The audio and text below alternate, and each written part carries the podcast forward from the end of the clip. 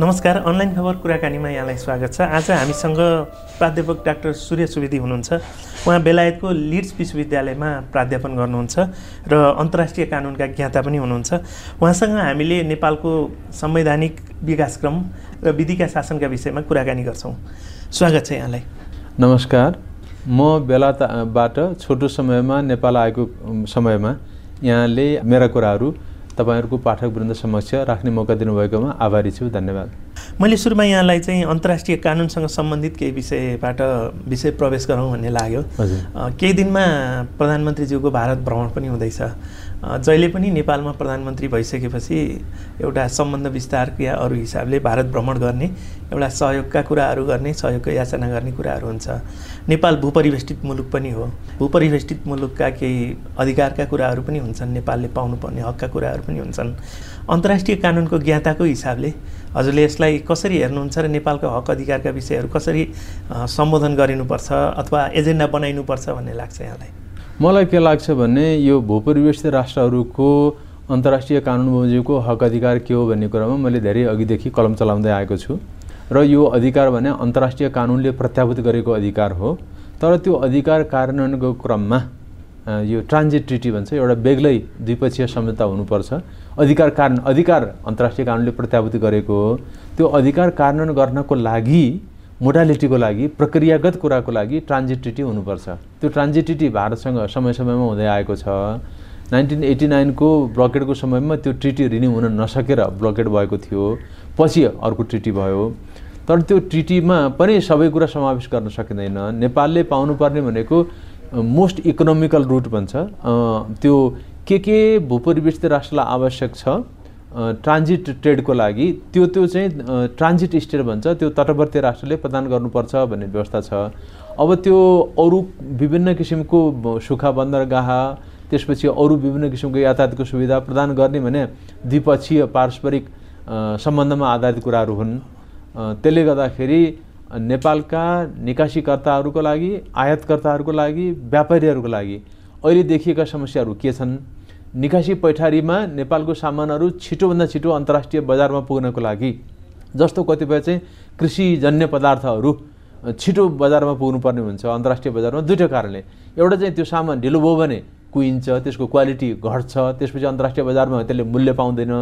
अर्को कुरा यदि नेपालको सामान समयमा पुगेन जस्तो धानै भनौँ अथवा अरू कुनै सामानहरू भनौँ बजारमा पुगेन भने अरू देशको सामानले बजार लिइसकेका हुन्छ। अनि नेपालको सामानले त्यहाँ बजारमा प्रतिस्पर्धा गर्न सक्दैन।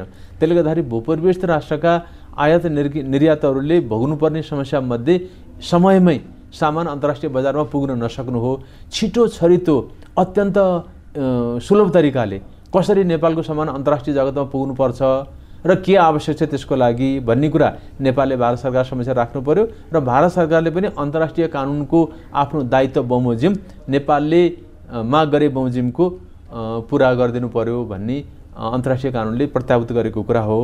त्यसले गर्दाखेरि अहिलेको प्रधानमन्त्रीजीको भारत भ्रमण होस् अथवा अरू पदाधिकारीहरूको भ्रमणको कुरा होस् निकासी पैठारी नेपालका व्यापारीहरूसँग सल्लाह गरेर उनीहरूको समस्यालाई उहाँहरूले चाहिँ अन्तर्राष्ट्रिय कानुनले प्रत्याभूत गरेको अधिकारको रूपमा याचना गर्ने होइन।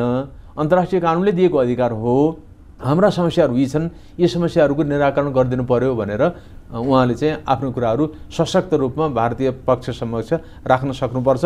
राख्नुहुन्छ होला भन्ने मैले आशा गरेको छु। मैले उहाँलाई पहिला प्रधानमन्त्री हुँदाखेरि पनि भारत भ्रमणमा जाँदाखेरि पहिलोपटक पनि दोस्रो पटक पनि सल्लाह दिएको हुँ। त्यो बेलामा चाहिँ उन्नाइस सय पचासको सन्धिमा केन्द्रित भएर मैले चाहिँ वैकल्पिक ड्राफ्ट यो हुनसक्छ पुनरावलोकन यसरी गर्न सकिन्छ भन्ने विषयमा सल्लाहको दिएको थिएँ। अहिले चाहिँ उन्नाइस सय पचासको सन्धिभन्दा पनि अरू आर्थिक कुराहरूमा केन्द्रित हुने हो कि भन्ने लागेको छ मलाई भारतको भ्रमण। त्यसो हो भने यो नेपालको मुख्य समस्या भनेको अन्तर्राष्ट्रिय बजारमा सुलभ तरिकाले जति ढिलो भयो त्यो कस्ट पनि हाई हुँदै जान्छ। सामानको क्वालिटी पनि घट्छ। त्यसले गर्दाखेरि यो नेपालको सामान अन्तर्राष्ट्रिय बजारमा छिटोभन्दा छिटो इकोनोमिक हिसाबले सुलभ तरिकाले पुग्न सक्ने व्यवस्था चाहिँ भारतले गर्नुपर्छ। त्यसको लागि उपल्लो तहमा घचघचाउनु पर्ने र उपल्लो तहबाटै निर्देशन गर्न लगाउने काम चाहिँ प्रधानमन्त्री प्रचण्डजीको हो भन्ने मलाई लाग्छ। सैन्य भर्ती लगायतका कुराहरूसँग पनि जोडिएका छन् अग्निपथको कुराहरू पनि जोडिएको छ। यी विषयमा पनि निर्क्योल हुनुपर्ने अथवा केही अलमलहरू स्पष्ट हुनुपर्ने विषय त छन् नि। छन्। अरू विषयहरू पनि छन्। अब उन्नाइस सय पचासको सन्धि अहिले त्यति चर्चामा छैन प्राथमिकतामा नपर्ला होइन? अब लिम्पुवा धारा कालापानी लिपुलेकको समस्या पनि यथावत नै छ। त्यसले गर्दाखेरि अब गृह कार्य कस्तो भएको छ यहाँ मलाई थाहा छैन। हिजो संक्षिप्तमा मैले केही अन्तर्क्रिया त गरेको छु अहिले आएर पनि केही शीर्षस्थ नेताहरूसँग तथापि उहाँहरूको तयारी के छ अब उहाँहरूको सरकारी कन्फिडेन्सियल नै हुने होला होइन? त्यसले गर्दाखेरि भारतसँग विद्यमान जति पनि विवादहरू छन् समस्याहरू छन् तिनीहरूले केही तिक्ततापूर्ण स्थितिको पनि सृजना गरेका छन्। त्यसले गर्दाखेरि अहिले उहाँले चाहिँ भारत जाँदाखेरि म एउटा सार्वभौम राष्ट्रको प्रतिनिधिको रूपमा आएको छु। अन्तर्राष्ट्रिय कानुनले प्रत्याभूत गरेका अधिकार लगायत अन्तर्राष्ट्रिय कानुनले निर्दिष्ट गरेका जुन सिद्धान्तहरू छन् त्यो सिद्धान्तको आधारमा भारत नेपालको सम्बन्धलाई नयाँ युगमा लैजाउँ यसलाई लोकतान्त्रिक गराउँ विन विनको सिचुएसन क्रिएट गरौँ भारतको पनि हामी इन्ट्रेस्ट हेर्छौँ भारतले नेपालको पनि इन्ट्रेस्ट हेरिदिनु पऱ्यो भनेर विन विनको सिचुएसन क्रिएट गर्ने बेला आयो कि भन्छ? अब हामी अलिकति माथि उठ्नु पऱ्यो भन्ने लागेको छ मलाई भारतसँगको सम्बन्धमा। नत्र प्रधानमन्त्री नयाँ नियुक्त भइसकेपछि भारतको भ्रमण जाने एउटा रुटिन कार्य जस्तो पनि हुने गरेका छ होइन? त्यसले गर्दाखेरि अब यो मौका उपयोग गर्दै उहाँले चाहिँ अब नयाँ युगमा लैजाउँ नेपाल भारत सम्बन्धलाई। आधुनिक रूपमा भइरहेका समस्याको समाधान गरौँ भन्ने उहाँले त्यो बोल्ड स्टेप लिन सक्नु भने राम्रो हुन्छ भन्ने मलाई लागेको छ। बेलायत लामो समयदेखि लिखित संविधानविहीन मुलुक हो र लिखित संविधान नभए पनि विधिको शासन र संसदीय अभ्यासको हिसाबले एउटा अग्रणी मुलुक मानिन्छ। हामीले लिखित संविधानको अभ्यास गऱ्यौँ। ऐन बनायौँ नियम बनायौँ निर्देशिका बनायौँ कार्यविधिसम्म बनायौँ। तर पनि अस्पष्टता छ। आफ्ना अनुकूलको व्याख्याहरू हुन्छन्। लिखित संविधानविहीन मुलुकमा बसेर हेर्दाखेरि कस्तो देखिन्छ यी कुराहरू? अब यो बेलामा तपाईँले भने जस्तो लिखित संविधान छैन तर अब पन्ध्र बिसवटा कानुनहरू जम्मा पारेर भन्ने हो भने यही हो संविधान भन्न पनि सकिन्छ बेलायतको होइन? कानुनहरू छन्। तथापि तपाईँले भने जस्तो बेलायतको शासन व्यवस्था भनेको संस्कार लोकतान्त्रिक संस्कारमा आधारित व्यवस्था हो। सबैलाई थाहा छ आफ्नो सीमा के हो आफ्नो कर्तव्य के हो। परम्परागत रूपले कन्भेन्सन भन्छन् होइन? त्यो उनीहरूको इस्टाब्लिस छ। उनीहरूको त्यो नजिर न्यायालयको मात्र होइन संवैधानिक अरू निकायहरू यो संसदीय प्रणालीमा पनि। परम्परागत रूपमा भइआएका कुराहरू त्यहाँ लेखिया छ मान्छेहरूलाई थाहा छ। अनि त्यो इन्डक्सन इन्ट्रोडक्सन त्यही किसिमले हुन्छ। त्यसले गर्दाखेरि त्यो समाज त्यसरी मुख्य कुरा के भने लोकतन्त्रमा एउटा अनुशासन हुन्छ। त्यो अनुशासनभित्र रहेर सबै निकायले काम गर्नुपर्छ भन्ने कुरा जनता जनार्दनदेखि लिएर शासन सत्तामा बस्ने मान्छेहरूलाई समेत अवगत छ। त्यहाँको शिक्षा दीक्षा त्यही किसिमको हुन्छ। प्रारम्भिक शिक्षादेखि लिएर मानिसहरूलाई संसदीय प्रजातन्त्र भनेको यो हो। कार्यपालिका न्यायपालिका र अन्य संवैधानिक निकायको भूमिका यो रहन्छ भने सानैदेखि मानिसहरूलाई त्यो विषयमा परिचय गराइदिनु भएको हुनाले जो मानिस सत्तामा आए पनि त्यो मूल्य र मान्यताको को परिधि बाहिर रहेर काम न नगर्ने भएको हुनाले बेलायतको लोकतन्त्र संसारको उत्तम मध्ये ठानिएको हो। त्यहाँबाट हेर्दाखेरि नेपाल जस्तो देशमा विकासोन्मुख मुलुकमा र त्यसमाथि पनि धेरै सङ्क्रमणबाट गुज्रिएको मुलुकमा लिखित संविधान हुनु आवश्यक थियो। र त्यो संविधानमा नेपालको संविधान संक्षिप्त हो। भारतको संविधान एकदम विस्तृत छ। अमेरिकाको संविधान पनि संक्षिप्त छ। नेपालको संविधान पनि संक्षिप्त छ। त्यसले मेन प्रिन्सिपलहरू आउटलाइन गर्ने हो। त्यसलाई फ्लेस आउट भन्छौँ हामी इङ्ग्लिसमा। त्यसलाई कार्यान्वयन चाहिँ कानुन बनाएरै हो। तथापि यो कार्यान्वयनको क्रममा चाहिँ देखिएका बाधा व्यवधान जति छन् त्यो चाहिँ म के लाग्छ भने लोकतान्त्रिक संस्कार अभ्यस्त नभएर हो।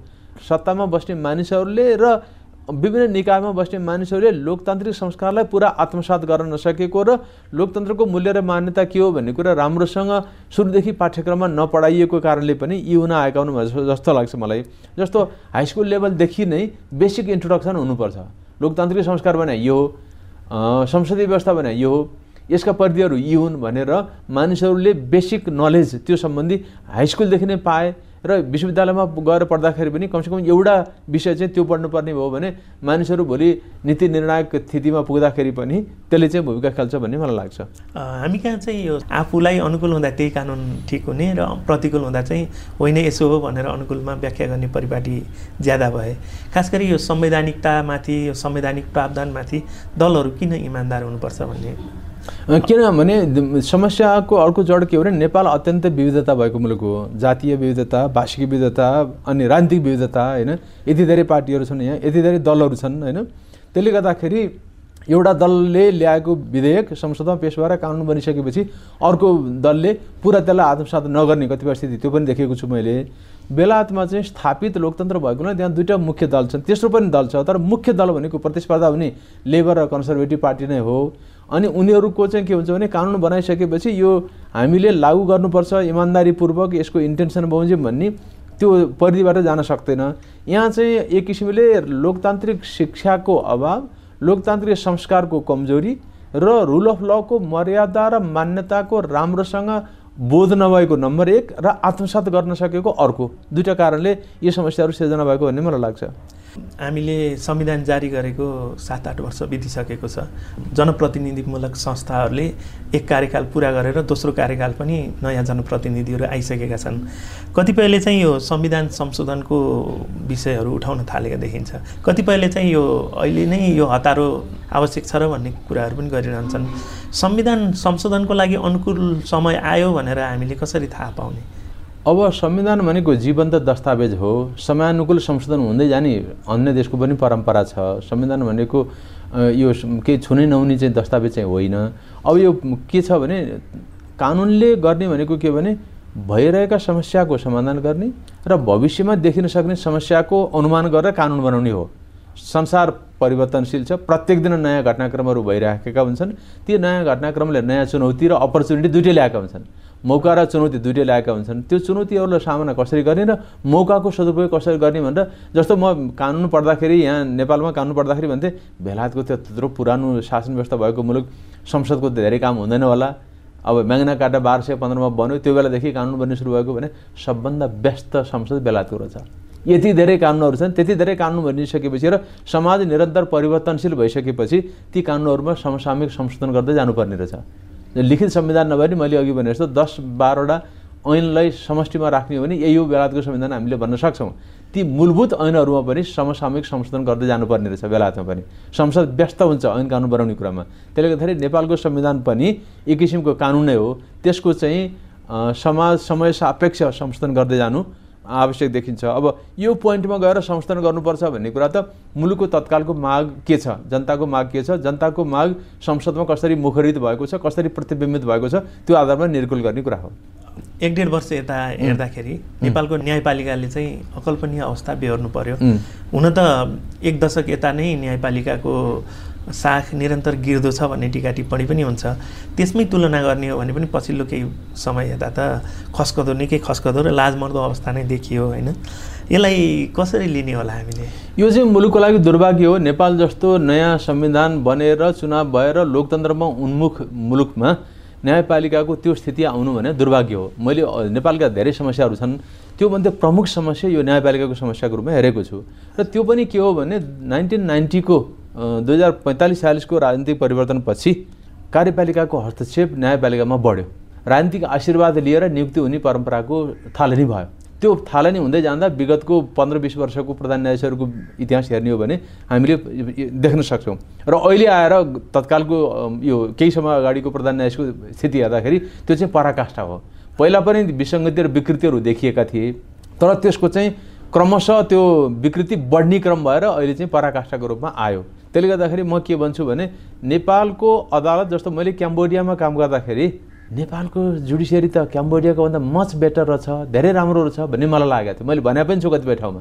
तर त्यो जुडिसियरीमाथि यो राजनीतिक हस्तक्षेप बढेको हुनाले कार्यपालिकाको हस्तक्षेप बढेको हुनाले जुडिसियरीमा समस्याहरू आयो। अब गर्न सकिने के हो भने प्रथमतः न्यायाधीश नियुक्तिको प्रक्रियामा कार्यपालिकाको हस्तक्षेप उन्मूलन गर्ने हो। जस्तो बेलायतमा न्यायपालिकाका मानिसहरूको नियुक्तिको क्रममा कार्यपालिकाको कुनै पनि भूमिका रहँदैन। यहाँ संवैधानिक परिषद छ। संवैधानिक परिषदको अध्यक्ष हुन्छ प्रधानमन्त्री। प्रधानमन्त्रीको अध्यक्षता भएको संवैधानिक समितिले प्रधान न्याय सिफारी गर्नुपर्ने भयो। अब न्याय परिषदमा त्यस्तै व्यवस्था छ। कानुन मन्त्रीको सशक्त उपस्थिति छ त्यहाँ। त्यसले गर्दाखेरि यो प्रधान न्यायाधीशको नियुक्तिमा प्रधानमन्त्रीको भूमिका रहने अन्य न्यायाधीशको नियुक्तिमा कानुन मन्त्रीको भूमिका रहने र त्यो कानुन मन्त्रीको भूमिका रहने हुँदाखेरि कानुन राम्रोसँग नबुझेको लोकतान्त्रिक संस्कार नबुझेको यहाँ भागभन्डाको आधारमा कानुन मन्त्री नियुक्ति हुन्छ। चाहे तपाईँ परराष्ट्र मन्त्री भन्नुहोस् कानुन मन्त्री विषयगत विशेषज्ञ हुँदैन। यहाँको र बेलायतको फरक के हो भने बेलायतमा चाहिँ अब यो पार्टी दुईवटा पार्टीको शक्तिमा प्रतिस्पर्धा हुन्छ। कुन पार्टी सत्तामा आउँदाखेरि कानुन मन्त्री को बन्छ? कुन पार्टी सत्तामा आउँदा परराष्ट्र मन्त्री को हुन्छ भन्ने पहिले हामीलाई थाहा हुन्छ।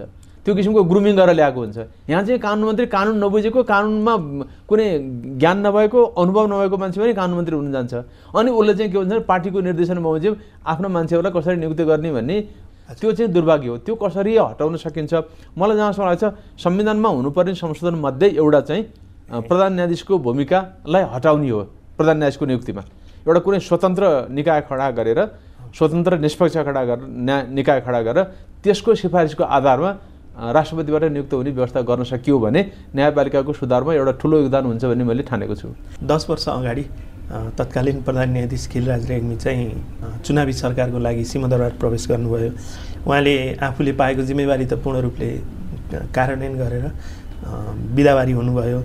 तर त्यसको अरू असरहरू देखिरह्यो भनेर भनिन्छ अघिल्लो महिना राष्ट्रपतिको उम्मेदवारहरूको चर्चा हुँदाखेरि केही पूर्व प्रधान न्यायाधीशहरू केही पूर्व न्यायाधीशहरू पनि आकाङ्क्षी बनेको कुरा त सँगै सुनियो नै। न्यायाधीश समाजले पनि हामी पनि त्यहाँ जान हुन्छ पछि अवकाशपछि भनेर एउटा वक्तव्य नै दियो।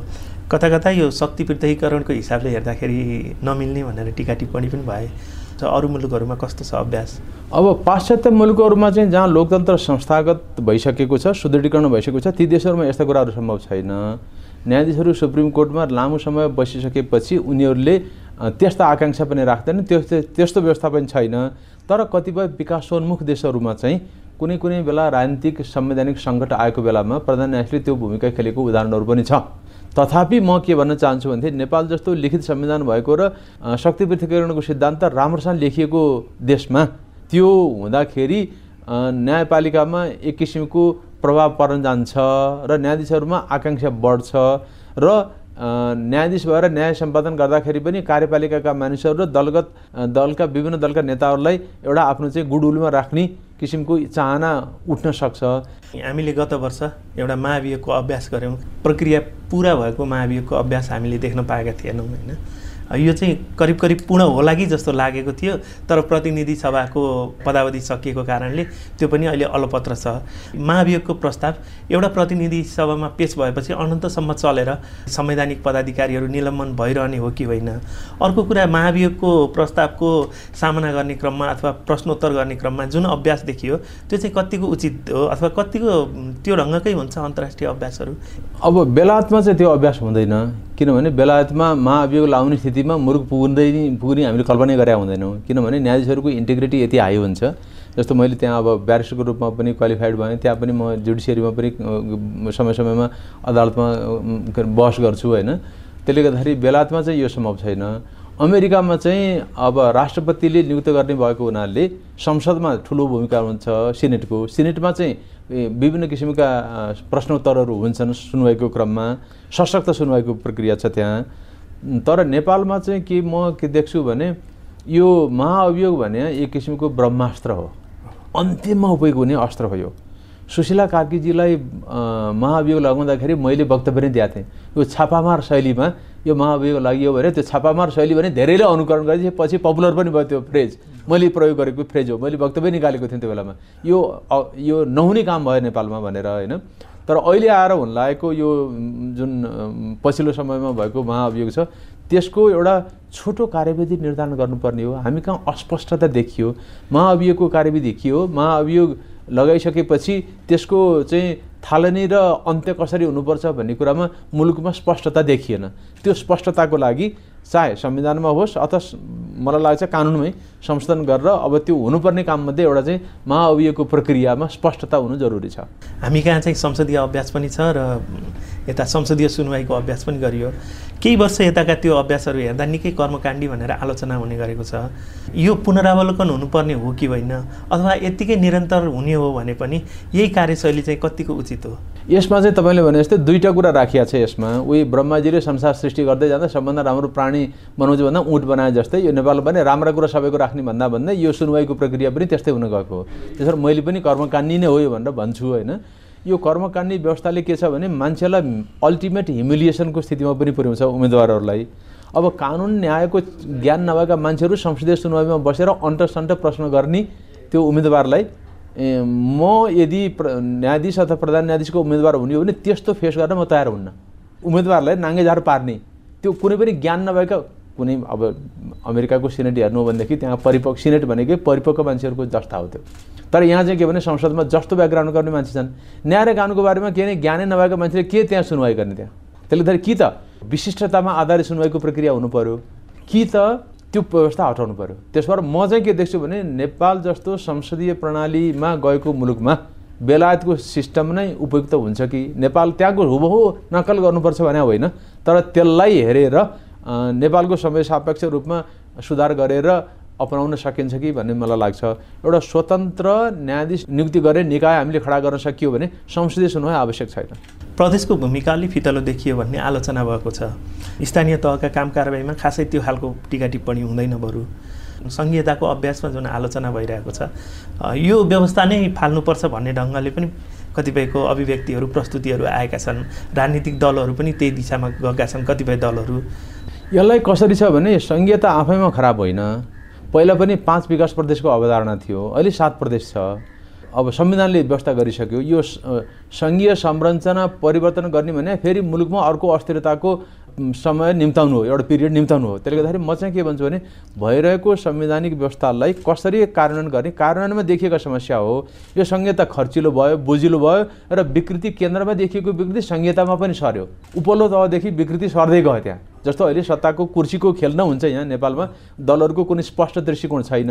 जस्तो बेलायतमा अमेरिकामा भन्नुहुन्छ भने दुईवटा प्रमुख दलहरूको स्पष्ट दृष्टिकोण हुन्छ। आर्थिक विकास कसरी गर्ने वैदेशिक सम्बन्ध कसरी सञ्चालन गर्ने विभिन्न क्षेत्रको प्रगति कसरी गर्ने भने आफ्ना दृष्टिकोण छन्।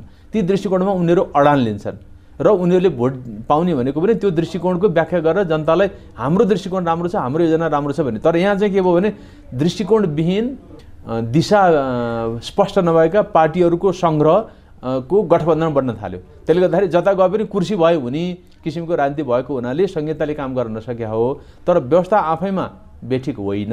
यसको कार्यान्वयनमा समस्या देखियो। र अर्को कुरो के भने यो संहिता के हो भन्ने कुराको राम्रोसँग मर्म नबुझेका मानिसहरूको नेतृत्वमा संहिता गएर पनि यो समस्या भएको हो। जस्तो मुख्यमन्त्री हुने मान्छे सङ्घीय प्रदेशहरूमा मन्त्री हुने मान्छे प्रदेशहरूको महान्याधिवक्ता न्यायाधिवक्ता हुने मान्छे ती मानिसहरूलाई सङ्घीयता यो हो। हामीले यो मर्म सञ्चालन गर्नुपर्छ भन्ने किसिमको एक किसिमको प्रशिक्षण नभएर पनि हो। जस्तो म तपाईँलाई भन्छु बेलायतमा टोनी ब्लेयर भन्ने मान्छे अत्यन्तै पपुलर भएर लेबर पार्टीको तर्फबाट उन्नाइस सय नाइन्टिन नाइन्टिजको दशकमा चुनाव जितेर आए। शासन गर्ने भने त गाह्रो कुरा हो। त्यही पढेको कानुन पढेको प्रखर मान्छे हुन्थ्यो नि। त्यति हुँदाहुँदै पनि उनले प्रशिक्षण लिए। शासन सञ्चालन गर्नुपर्छ भन्ने प्रशिक्षण लिए हामी कहाँ प्रशिक्षण दिने चल्नै छैन। मन्त्री हुनको लागि अथवा प्रधानमन्त्री मन्त्री देश चलाउनको लागि यसका मूलभूत मान्यताहरू के हुन् भने विद्वानहरूलाई राखेर अनुभवी मान्छेहरूलाई राखेर केही समयको प्रशिक्षण लिएर जाने हो भने यो विकृति आउँदैन थियो। मैले देखेको मुख्य एउटा चाहिँ कमजोरी अन्य देशमा पनि हुन्छ। मान्छे शासन सत्ता सम्हाल्छु जस्तो अमेरिकामै भन्नुहोस् न इलेक्सन हुन्छ नोभेम्बरमा। सत्ता हस्तान्तरण हुन्छ जनवरीमा। दु दुई तिन महिनाको समयमा स्याडो भएर सिक्ने प्रशिक्षण लिने। अब मैले राष्ट्रपति भइसकेपछि शासन सञ्चालन कसरी गर्ने भन्ने विषयमा त्यो मान्छे तयार हुन्छ। बेलायतमा तयार चाहिँ हुँदैन किनभने उतिखेरै संसदमा विश्वासको मत गुमाउने बित्तिकै चुनाव हार्ने बित्तिकै भोलिपल्टै टेन आउने सिट खाली गर्नुपर्छ। अमेरिकाको जस्तो ग्रेस पिरियड दुई तिन महिनाको हुँदैन। तथापि त्यहाँ चाहिँ नयाँ मानिसहरूले आउनु पऱ्यो भने जस्तो टोनी ब्लेयरहरू आउँदाखेरि उनको इन्टायर क्याबिनेटले प्रशिक्षण लिएको थियो। तर हामी कहाँ त्यो प्रशिक्षणको सम्भव छैन। म मन्त्री भएपछि सर्वज्ञाता। प्रधानमन्त्री भएपछि सर्वज्ञाता। म सबै जान्दछु। मलाई म ज्ञाता भएर जनताले चुनाव जित्यो भने घमण्ड अहम र अहङ्कार प्रधानमन्त्रीहरूमा देखियो। र अहिलेको त्यो अहङ्कार र अज्ञान मुख्यमन्त्री र अन्य मन्त्रीहरूमा देखियो। समस्या त्यो हो। समस्या संस्कारको कुरा हो। समस्या प्रशिक्षणको कुरा हो। समीक्षा शिक्षाको कुरा हो। समीक्षा ट्रेनिङको समस्या ट्रेनिङको कुरा हो। यी सबै कुरालाई हामीले व्यवस्थित गर्न सक्यो। ए तपाईँहरू मन्त्री प्रधानमन्त्री भए पनि शासन गर्ने भने एउटा कौशल हो। त्यो कौशलमा अनुभवी मान्छेहरूसँग प्रशिक्षण लिनुहोस् भन्न सकियो भने सङ्घीय संरचनामा आउने मानिसहरूलाई प्रशिक्षणको व्यवस्था गर्न सकियो भने ए यो परिधिभित्र रहेर मात्रै काम गर्नुहोस् है। संविधानले भनेको यो हो मर्म यो हो संस्कार यस्तो छ संस्कृति यस्तो छ अन्तको हाम्रो हामीले प्रशिक्षण गर्न सक्यो भने राम्रो हुन्छ। एउटा लागेको मलाई खड्किएको चाहिँ यहाँ प्रशिक्षणको अभाव शिक्षाको अभाव ज्ञानको अभाव र विषयवस्तुमा नबुझेका मानिसहरूको हातमा जिम्मेवारी जाने। विषयगत क्षमता नभएको मानिसले त्यो विषयको मन्त्रालय ह्यान्डल गर्ने भागभन्डाको आधारमा कसलाई कहाँ नियुक्त गर्न सकिन्छ गर्ने त्यो हचुवाको भरमा नियुक्त गर्ने बेलायतमा संसदीय व्यवस्थामा त्यो त्यो पृष्ठभूमिबाट आएको। कानुन मन्त्री हो भने कानुनी पृष्ठभूमिबाट आएको। परराष्ट्र मन्त्री भने परराष्ट्रको पृष्ठभूमिबाट आएको मान्छे परराष्ट्र मन्त्री हुन्छ कानुन मन्त्री हुन्छ। त्यो समस्या धेरै उठ्दैन। यहाँको समस्या त्यो देखाएको छु मैले। सर्वोच्च अदालतको काम कारवाहीलाई यहाँले कसरी हेर्नुभएको छ भन्ने हो? खास गरी विधिशास्त्रीय मत निर्माण नजिरको प्रतिपादन लगायतका विषयहरू। मैले के देखेको छु भने न्याय सम्पादनको क्वालिटी स्तर घट्यो अहिले। आउने फैसलाहरू जुन किसिमको हुन्थ्यो पहिला त्यो स्तरको फैसलाहरू आउन छोड्यो। नम्बर एक नम्बर दुई सर्वोच्च अदालतमा जाने मानिसहरूको योग्यतामाथि केही प्रश्न गर्न सकिन्छ होइन? केही मानिसहरू असाध्यै छन् सर्वोच्च अदालतमा। धेरै पढे लेखेका अन्तर्राष्ट्रिय रूपमा पनि बुझेका। नेपाल अब सानो एउटा पाहाडको छेउमा उभिएको मुलुक होइन। यसको अत्यन्त ठुलो अन्तर्राष्ट्रिय सम्बन्ध भइसकेको छ। विभिन्न स्तरमा न्यायको क्षेत्रमा होस् अथवा परराष्ट्रको क्षेत्रमा होस् अर्थको क्षेत्रमा होस् नेपाल एउटा अन्तर्राष्ट्रिय समुदायको अभिन्न अङ्ग हो। त्यो अन्तर्राष्ट्रिय कानुन अन्तर्राष्ट्रिय समुदाय अन्तर्राष्ट्रिय मान्यता अहिलेको अन्तर्राष्ट्रिय प्रचलन के छ? त्यो बुझेका मान्छेहरू सर्वोच्च अदालतमा छन्। केही राम्रो काम भएको छ। तथापि समग्रमा न्यायपालिकाको न्याय सम्पादनको स्तर क्वालिटी चाहिँ घट्यो भन्ने मलाई लागेको छ नम्बर एक। नम्बर दुई यहाँ चाहिँ सर्वोच्च अदालतमा यति धेरै फैसलाहरू गर्नु पऱ्यो यति धेरै मुद्दाहरू छन्। मुद्दाहरू यो चाहिँ स्क्रिनिङ गर्ने व्यवस्थाको अभावमा सर्वोच्च अदालतमा अत्यन्तै धेरै बोझ हुन गयो अहिले। ब्याकलग भन्छ इङ्ग्लिसमा यति धेरै मुद्दाहरू छन्। त्यसले गर्दाखेरि न्यायाधीशहरूले त्यो स्तरीय फैसला लेख्न नसक्ने कारण पनि कार्यबोझ अत्यन्तै धेरै बढेर गएर पनि हो। अर्को कुरो सर्वोच्च अदालतमा नियुक्ति हुने प्रक्रिया मैले अघि भने को अवस्थामा राजनीतिक आशीर्वादको आधारमा आउने मानिसहरूले राजनीतिक लोयल्टी देखाउने भएको हुनाले समस्याहरू आएको भन्ने मलाई लाग्छ। यी तिनवटा कुरा सम्बोधन गर्न सकियो भने न्यायपालिकामा अहिले भइरहेको जुन विसङ्गति र विकृति छ त्यसलाई चाहिँ जरुरी एउटा विषयको रूपमा सम्बोधन गर्नु आवश्यक छ। म त के देख्छु भने यहाँ चाहिँ आठ दलको गठबन्धन दस दलका गठबन्धनको नेताको बैठक बस्यो कसलाई बस्यो? कसलाई मुख्यमन्त्री बनाउने? कसलाई के अरे उम्मेदवार बनाउने? कसलाई मन्त्री बनाउने? यस्ता चाहिँ खुद्रे कुरामा त्यो बैठक केन्द्रित भएको मैले देखेको छु। बैठक हुनुपर्ने के थियो भने अहिले न्यायपालिकामा त गम्भीर समस्याहरू उत्पन्न भए प्रधान न्यायाधीशको कारणले यी समस्याहरू उत्पन्न भए। अब यो समस्यालाई न्यायपालिका भने त ठुलो अङ्ग हो मुलुकको जनताको अन्तिम रिसोर्ट त्यही नै हो। यसमा सुधारको लागि के गर्नुपर्छ भने विज्ञहरूबाट कार्यपत्र लेखाउने गठबन्धनको बैठकमा छलफल हुने अब हामी यसो गरौँ भनेर सहमतिको हुने। जुनसुकै दल सत्तामा आए पनि न्यायपालिकाको स्वतन्त्रतालाई हामीले ग्यारेन्टी गरौँ है एउटा फ्रेमवर्कमा बसौँ। भनेर आफूहरू सहमति हुने। त्यो किसिमको छलफल म भएको घनीभूत छलफल यो गठबन्धनको बैठकमा हुनुपर्ने हो। गठबन्धनको बैठक त नितान्त खुद्रे कुराहरूमा केन्द्रित भएर सकिने यो चाहिँ दुःखद चाहिँ परम्परा नेपालमा बस्यो भन्ने मलाई लागेको छ। लामो समयदेखि झन्डै सोह्र वर्षदेखि सङ्क्रमणकालीन न्यायको विषय चाहिँ अहिले पनि विचाराधीन नै छ एउटा टुङ्गोमा पुग्न सकेको छैन। यहाँ चाहिँ सन् दुई हजार नौदेखि छ वर्षसम्म कम्बोडियामा स्पेसल ऱ्यापोर्टर भएर पनि काम गर्नुभयो। नेपालमा भन्दा जटिल खालका द्वन्द्व भएका र जटिल खालका परिस्थिति भएका मुलुकहरूले पनि समस्या समाधान गरिसकेका छन्। हामी चाहिँ तुलनात्मक रूपले त्यत्तिको जटिलता होइन पनि भन्छौँ र समाधान गर्न सकेनौँ। यो गाँठो चाहिँ कसरी फुकाउने होला? यो गाँठो कसरी फुकाउने भने नम्बर एक त सिन्सियरिटी हुनु पऱ्यो नम्बर दुई सबैले न्यायको न्याय र कानुनमाथि आस्था र विश्वास राख्नु पऱ्यो क्याम्बोडियामा मैले गरेको काममध्ये न्यायपालिकालाई कसरी स्वतन्त्र बनाउने जनताका समस्याहरू छन् सडक आन्दोलन हुन्छ सङ्घर्ष हुन्छ मान्छे हताहत हुन्छन् किनभने न्यायपालिकामाथि मान्छेको विश्वास नभएर नत्र मान्छेको न्यायपालिकामाथि विश्वास हुने हो भनेदेखि त समस्या लिएर न्यायपालिकामा जान्छन् भन्ने आधारमा मैले क्याम्बोडियामा सुधारका प्रस्तावहरू गरेँ र मेरा केही सुधारका प्रस्तावहरू कार्यान्वयन पनि भयो संविधानमै संशोधन भयो जस्तो चुनावकै क्रममा निर्वाचनको क्रममा त्यहाँको निर्वाचन समितिले जुन सत्तारूढ दल दललाई हो त्यही दललाई नै निरन्तर निर्वाचित घोषणा गर्ने परम्परा थियो। मैले यो निर्वाचन समितिको कम्पोजिसन र यसको कार्यक्षेत्र क्याम्बोडियाको कन्स्टिट्युसनल फ्रेमवर्कभित्र कस्तो हैसियत हुनुपर्छ भन्ने सुझाव दिएको थिएँ। संविधानै संशोधन गरेँ मेरो सुझाव कार्यान्वयन गर्नको लागि। त्यो आँट मैले नेपालमा देखेको छैन। नेपालमा त्यो सिन्सियरिटी देखिएको छैन। कता कता यो सशक्त बनाइयो भने महिला पो पक्रेर आउने हो कि भन्ने त्रास गतिमा देखिएको मैले अनुभूति गरेको छु। त्यसले गर्दाखेरि यो द्वन्द्वको क्रममा जो मानिसहरूलाई असर पर्यो ती मानिसहरूलाई न्याय सङ्क्रमणकालीन न्याय भनेको छोटो समयमा हुनुपर्ने काम हो। यो धेरै नै लम्बियो नेपालमा। बिस वर्षको मान्छेले पाउनु पर्ने न्याय चालिस वर्षको उमेरमा पचास वर्षको उमेरमा पायो भने त न्याय पाएको भएन नि त्यो। जस्टिस डिलेड जस्टिस डिनाइड भन्ने सिद्धान्त छ। त्यो सङ्क्रमणकालको लागि पनि लागु हुन्छ। त्यसले गर्दाखेरि अहिले यो सङ्क्रमणकाल ढिलो न्याय यो के अरे सम्पादनको काम ढिलो हुनुको कारण जस्टिस डिनाइड हो। जो मान्छे भिक्टिम छन् द्वन्द्वको क्रममा ती मानिसलाई कन्टिन्युसली न्याय डिनाइ गरिएको छ नेपालमा। यो अमान्य हो। र नेपाल अघि मैले भने जस्तै नेपाल विभिन्न अन्तर्राष्ट्रिय मानवाधिकार कानुनको पक्ष छ संयुक्त राष्ट्रसङ्घको सदस्य छ अन्तर्राष्ट्रिय मूलभूत मान्यता बाहिर नेपाल जान सक्दैन अन्तर्राष्ट्रिय मानव अधिकार र मानवता सम्बन्धी कानुन ह्युमेनिटेरियन लको परिधिभित्र रहेर यो सङ्क्रमणकाललाई न्यायलाई यथाशीघ्र टुङ्ग्याउनु आवश्यक छ र न्याय नभएका मानिसहरूलाई यथाशीघ्र न्याय दिनु नेपाल सरकारको नम्बर एक प्राथमिकतामा पर्नुपर्छ भन्ने मलाई लाग्छ। यदि त्यो भएन भने के जोखिम रहन्छ? जोखिम के बन्छ भने नेपालको छवि अन्तर्राष्ट्रिय रूपमा पनि सुध्रिन गाह्रो हुन्छ। नेपाललाई विभिन्न राष्ट्रहरूले यो सङ्क्रमणकालीन न्याय सम्बोधन गर्न सकेको राष्ट्रको रूपमा चित्रित गर्छ। त्योभन्दा पनि ठुलो त अन्याय भइरह्यो नि त। न्याय नभएका मान्छेलाई अन्याय भइरह्यो।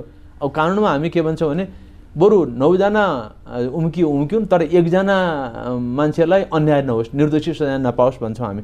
न्याय भनेको त्यस्तो ठुलो महत्त्वपूर्ण कार्य हो हेर्नुहोस् त्यसले गर्दाखेरि अहिले जुन मानिसहरूले सङ्क्रमण यो द्वन्द्वको क्रममा ती पीडितहरूलाई न्याय नदिनु भनेको यो राज्य संयन्त्रले प्राकृतिक न्यायका सिद्धान्त न्यायका सिद्धान्तलाई मुलुकमा कार्यान्वयन गर्न नसकेको अन्तर्राष्ट्रिय समुदायकोलाई एउटा के वक्तव्य दिएर होला अथवा के भनेर सान्त्वना चित्त बुझाउन सकिएला जवाफ दिन सकिएला?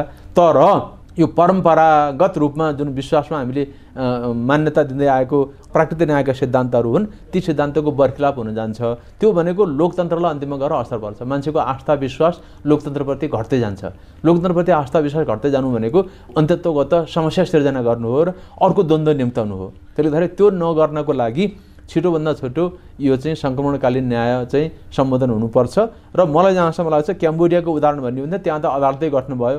यो खमेरुज ट्राइबल भन्छौँ ई ट्रिपल सी भन्छौँ होइन? त्यहाँ चाहिँ त्यो न्यायालय गठ्नुभयो अन्तर्राष्ट्रिय सहयोगमा केही न्यायालय क्याम्बोडियाका जुडिसियरीका मान्छे केही अन्तर्राष्ट्रिय रूपमा नियुक्त भएका मानिसहरू मिलेर केही सम्पादन गरे केही चाहिँ त्यहाँको जुडिसियरी आफैले एड्रेस गर्यो।